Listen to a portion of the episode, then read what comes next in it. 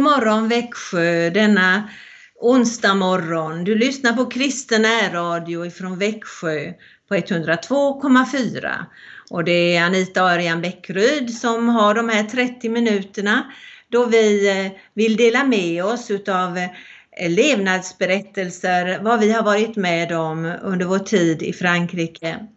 Du kan ju också lyssna på webben på växjönärradio.se och så kan du gå in och lyssna på arkiven där så du kan höra om de här programmen. Ja, det finns många möjligheter att lyssna eh, flera gånger. Idag, vad har vi för namn Störjan? Ja, ett mycket ovanligt namn.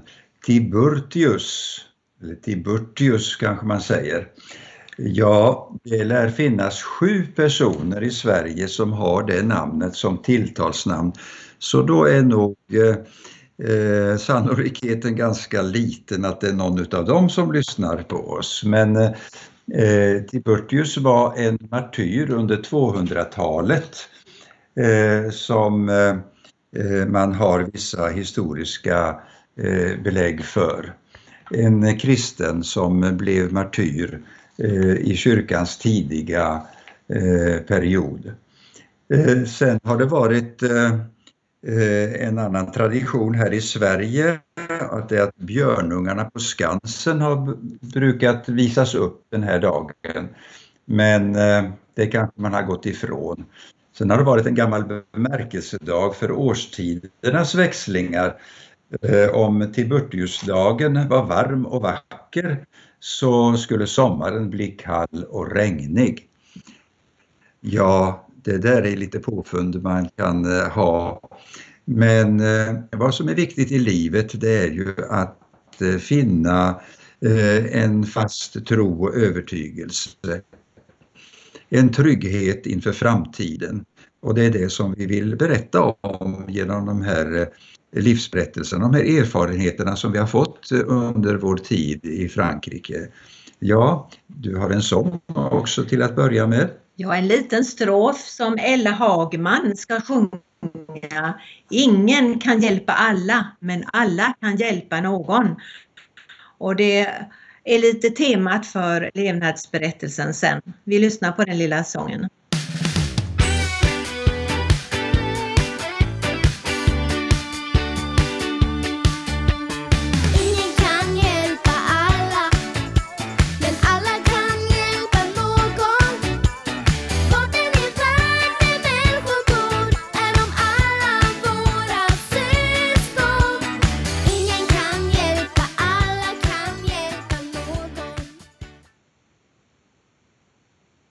Alla kan hjälpa någon. Och hon sjunger vidare i den här lilla sången att barn finns i nöd och saknar bröd och de lever i fattigdom och död. Ja, det är en fin liten sång och då är det just detta Bibeln kan, eh, I Bibeln kan vi läsa om en vänlig samarit. Jesus säger att vi alla kan vara honom lik. Ja, vi eh, vi kan verkligen få tänka efter idag om vi kan hjälpa någon. Jag vill läsa ifrån Matteus evangeliet, det 25 kapitlet. Där läser vi i vers 35. Jesus säger, jag var hungrig och ni gav mig att äta. Jag var törstig och ni gav mig att dricka. Jag var hemlös och ni tog hand om mig. Jag var naken och ni gav mig kläder. Jag var sjuk och ni såg, såg till mig. Jag satt i fängelse och ni besökte mig. Och senare så står det så säger han Sannerligen, vad ni har gjort för någon av dessa minsta som är mina bröder, det har ni gjort mot mig. Jag repeterar sannerligen, vad ni har gjort för någon av dessa dessa minsta som är mina bröder, det har ni gjort för mig. Ja, just detta ska vi prata en del om idag. Om jag kan hjälpa någon lyssnar vi på Evi just nu.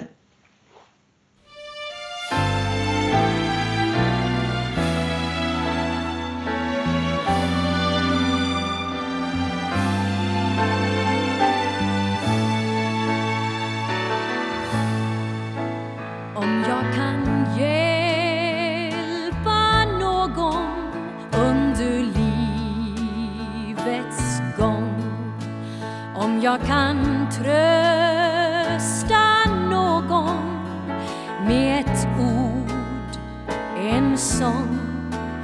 Om jag kan visa någon vägen hem till Gud blir det mening med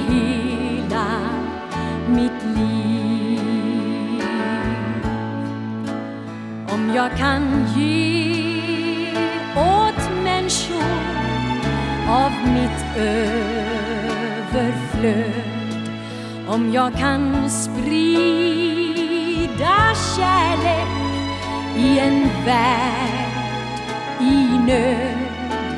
Om jag kan leva livet som en kristen bör.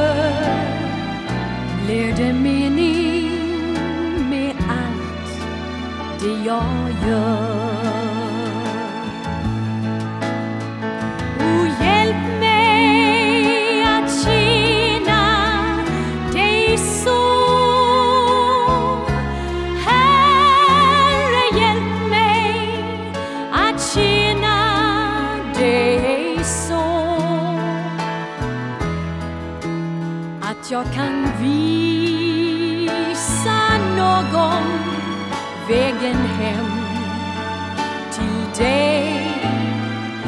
Är det mening med hela mitt liv.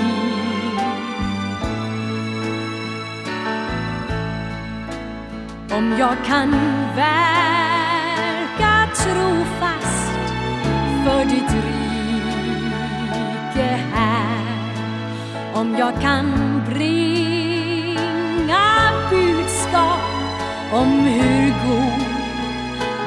är om jag kan visa någon vägen hem till dig blir det mening med hela mitt liv.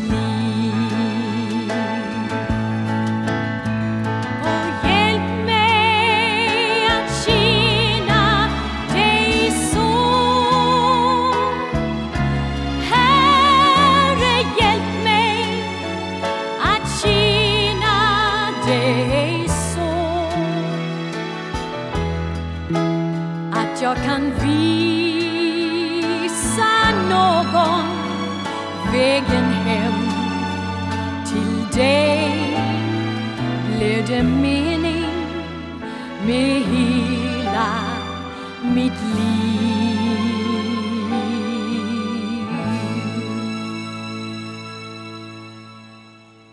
Ja, om jag kan hjälpa någon. Det är ju en stor nåd och förmån om man får uppleva att eh, man har fått vara till hjälp och stöd för någon i en svår situation. Och eh, parallellt med eh, församlingsutvecklingsarbetet som vi har arbetat med i Frankrike så upplevde jag att eh, möjligheten att vara fängelsepastor eh, Eh, öppnade sig och eh, det var jag väldigt tacksam för. Eh, under cirka 15 år så har jag varit protestantisk fängelsepastor. Och även om det religiöst ytterst neutrala Frankrike eh, inte tillgodoser så mycket av eh, religiösa värden så ger de ändå tillfälle till Eh, bland annat intagna inom fångvården att samlas till gudstjänst under sin tid som intagna. Eller att få möjlighet till samtal med någon företrädare för trossamfund eller religion. Och min tjänst som fängelsepastor eh, har varit oerhört fascinerande och givande. Det är ju så att eh, då gäller det att man får gå igenom en eh, provperiod då under eh, Eh, justitiedepartementets eh, översikt och så får man en tjänst tilldelad. Eh, ständigt har jag mött intagna som först när de blev fängslade börjat ställa sig existentiella frågor och mycket ofta upplevt hur barndomens kyrkobesök eller konfirmation poppat upp som frågeställningar som har manat på ett svar. Som pastor har jag ofta mött de som trots total avsaknad av kontakt med kyrkor och eh, som eh, dessutom kanske varit bärare av smärtsamma upplevelser i de miljöerna nu undrat om eh, frågan om Gud och hans kanske möjliga närvaro och intresse för dem personligen, om det ändå inte vore ett värt, ja, vore värt ett försök till närmande. Ett närmande som kanske kunde få en ny belysning i kontakt med en evangelisk protestantisk pastor. Så var det med Philippe. Han var en driftig affärsman på den franska ön Guadeloupe i Karibien. Eh, det finns ju inte några eh, besittningar eh, längre som Frankrike har utöver världen utom det som kallas för utomhavslän. Eh, och när man kommer till exempel till ön Guadeloupe eh, då i Karibien i Mellanamerika då upplever man precis som man kommer till Frankrike. Hela samhället är byggt som det franska samhället. Man har euron och eh, allting är uppbyggt med sjukvård och allting precis som i Frankrike. Eh, men en, skillnaden är att många ättlingar till slavarna som tagits dit för att arbeta på sockerrörsodlingarna eh, de finns ju där och eh, har ju ofta ett afrikanskt utseende.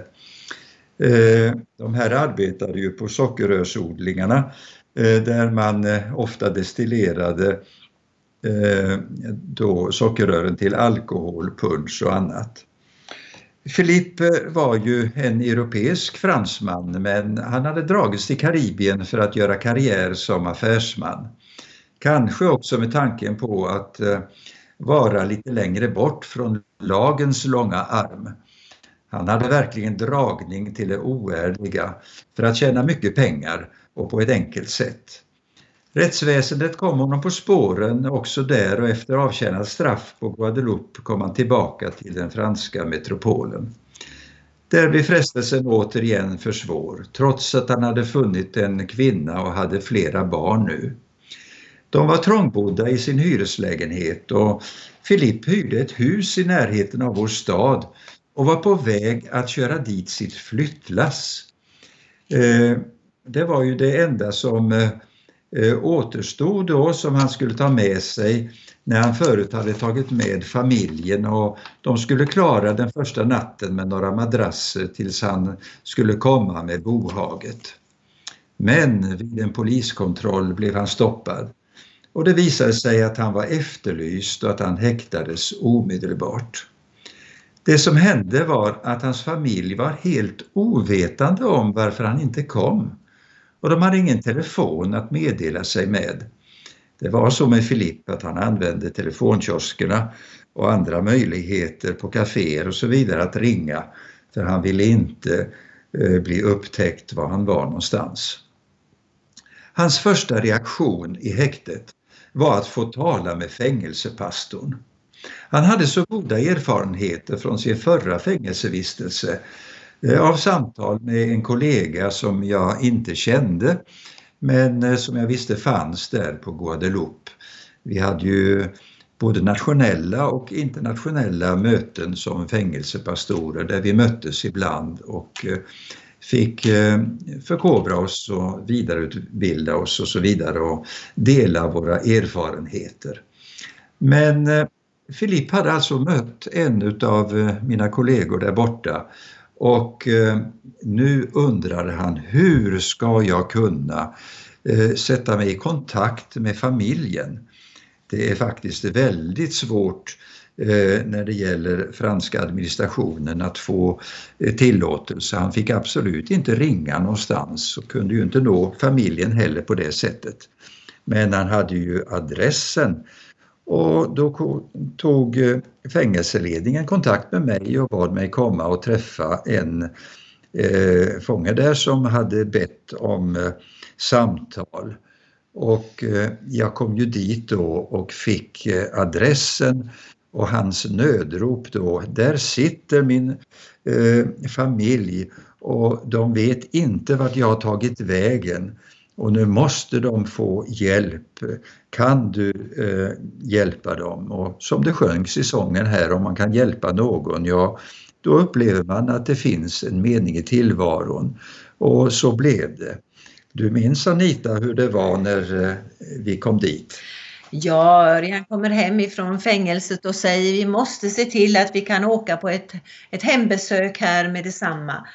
Och vi ordnade till så vi tog med oss eh, mat ifrån vår sociala hjälpverksamhet som vi hade i församlingen i kyrkan och så att vi hade mat med oss och vi eh, åkte iväg så fort vi kunde till det här samhället ett par mil utanför stan. Ja, när vi kommer fram till den här, det här lilla huset så var det verkligen en eh, tråkig syn att se. Där sitter en kvinna som blev först undrar vad vi kommer för, eh, lite avog och, och, och, och lite rädd. Men eh, så snart hon fick veta att vi hade hälsningar ifrån hennes man så eh, blev hon tacksam. Ehm, hon fanns där i ett hus, ett kallt hus. Det var ehm, mörkt och inga möbler som Örjan sa, några madrasser och ett bord och två stolar. Och själv var hon där, satt där på den här stolen och eh, barnen sprang och lekte i trädgården, den lilla trädgården som fanns. Ja, det var mis misär vi fick se i den och hur ledsna de var och hur orolig hon var. Vad har min man tagit vägen? Ja, så fick vi komma mitt i det här och berätta det tråkiga att mannen är häktad eh, och sitter i fängelset i Amiens. Ja, det var inga roliga nyheter. Vad gör man då? Vad, gör, vad ska jag göra? Här finns vi våra barnen och jag har ingenting. Och så fick vi ställa upp och hjälpa så hon fick eh, tillfälle till mat och vi fick åka dit många gånger kan jag väl säga barnen, de blev så glada och fäste sig vid oss och det var rena stora besöket när vi kom och glädje i att få eh, besök av någon utifrån. I den här svåra situationen så fick vi se att det lilla, det lilla vi kunde göra, att regelbundet besöka, att eh, se till att eh, hon fick eh, se om det fanns någon möjlighet i byn, i samhället där hon bodde för att, att få hjälp. Och ja, hon fortsatte och så fick vi den här tanken naturligtvis, hur kan hon vara kvar här ute i byn där det är i samhället där det är långt ifrån affärer och så vidare. Och då ja. hade vi en tanke. Ja, det är så att eh, Baptistfederationen i Frankrike har ett stort socialt arbete och eh, då eh, råkade det finnas i grannstaden ett upptagningshem för kvinnor och barn, mödrar med barn som hade en svår situation. Och då eh, ringde jag naturligtvis till eh, de vännerna som jobbade där och berättade situationen. Och eh, de eh, iordningställde eh, väldigt snabbt en lägenhet eh, dit hon fick komma och vi fick hjälpa dem att eh, flytta iväg till grannstaden Beauvais. Och eh, under hela den här tiden så hade jag ju kontakt med Filipp på fängelset. Och våra samtal fördjupades mer och mer och eh, jag kände och upplevde att han blev mer och mer mottaglig för evangeliets eh, sanningar, vikten utav att avgöra sig för Gud, att inte bara lyssna och ta del utav förmåner som man kan få och hjälp utan att han verkligen eh, fick eh, en längtan i sitt inre att eh, ta emot Herren. Det blev inte någon särskilt lång fängelsevistelse.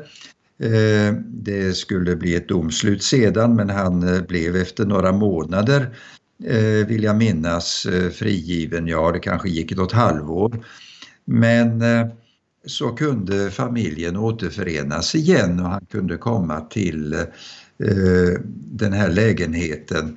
Eh, ja, då hade de ordnat på det här eh, sociala centret, de hade ordnat en egen lägenhet eh, för hans familj.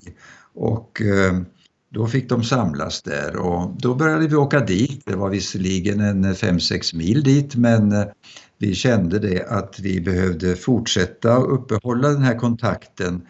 Eh, inte bara då för en social insats, för där hade ju skyddsnätet eh, slagit till riktigt så att de eh, fick hjälpen socialt sett. Men den andliga hjälpen och stödet, det behövde de fortfarande.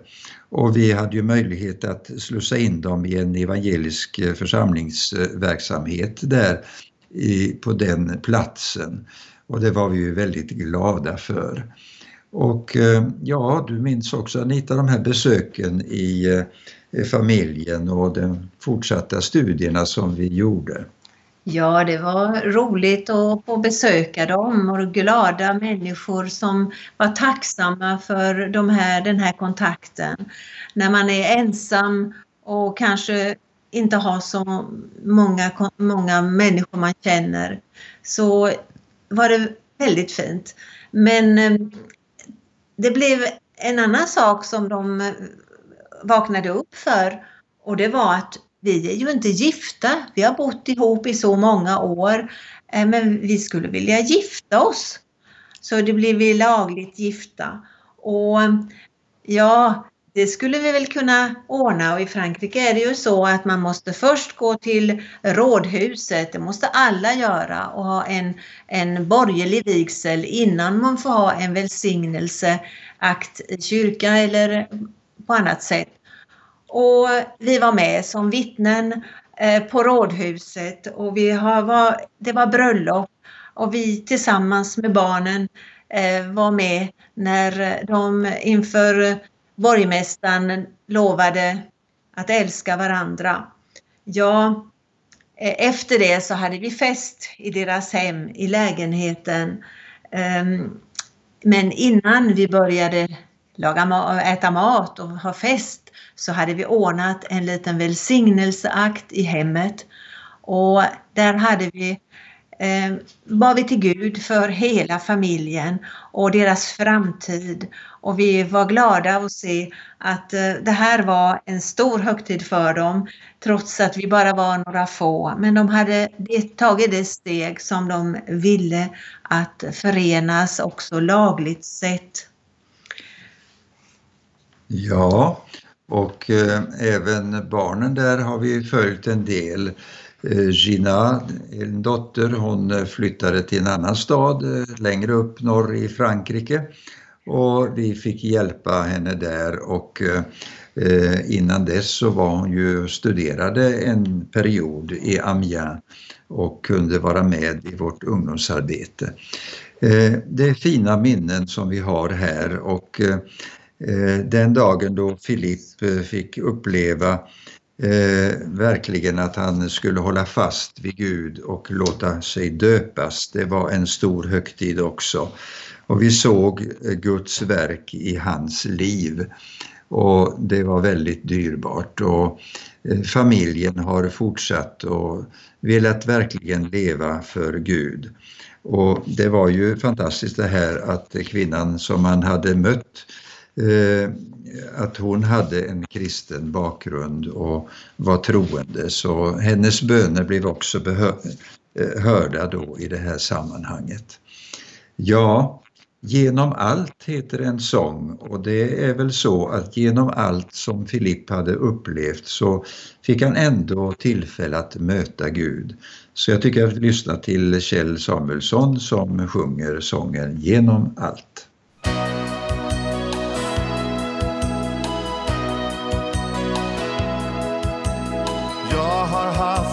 Bekymmer många. Vakat genom nätter långa Ibland jag ingen utväg kunnat se. Men genom alla svårigheter har jag sett hur Gud mig leder. Min tro på Gud har växt.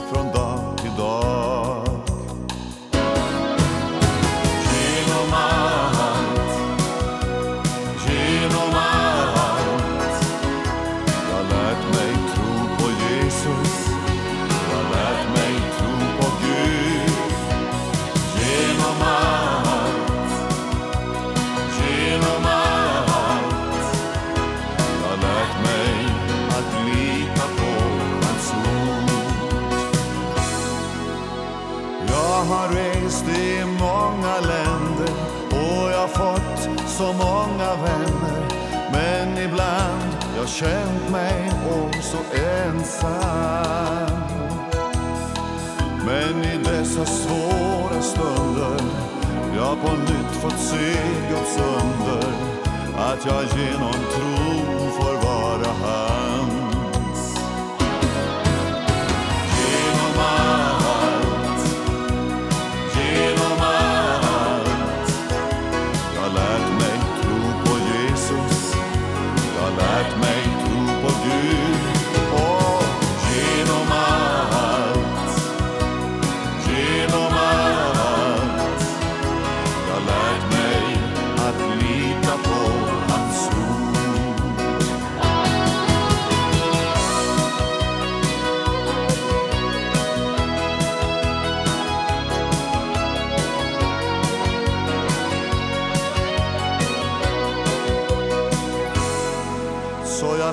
tackar Gud för bergen och jag tackar Gud för dalar. Ja, även alla stormar i mitt liv. För om jag aldrig mött problemen Jag ej fått se hur Gud kan ta den och jag ej förstått vad tron på Gud förmår. Och jag säger det igen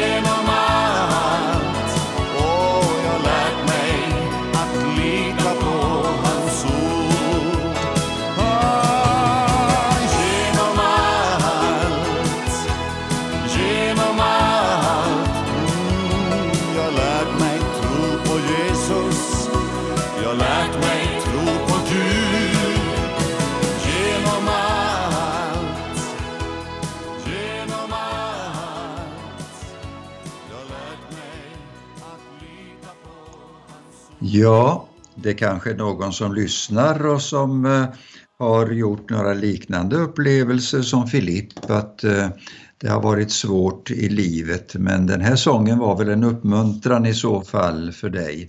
Genom allt så finns Herren där. Han kan leda och hjälpa dig. Låt oss bedja. Herre, vi tackar dig för eh, tjänsterna som fängelsepräster och fängelsepastorer. Vi ber för själavårdsarbetet på våra institutioner. Vi ber Herre att var och en ska få uppleva eh, din närhet. Vi ber för de fångar som finns eh, på våra olika fångvårdsanstalter och vi ber Herre att de ska få del utav Gudsordet Guds ordet och kunna förstå att det finns en möjlighet till omstart i livet.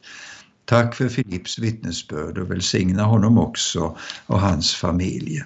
Amen. Så tackar vi dig du som har lyssnat och du är välkommen åter att eh, höra av dig också till förbönsprogrammet imorgon kväll klockan 20 på samma frekvens. Gud välsigne dig och kom ihåg att Herren är också lösningen på din situation där du befinner dig just nu. Gud välsigne dig.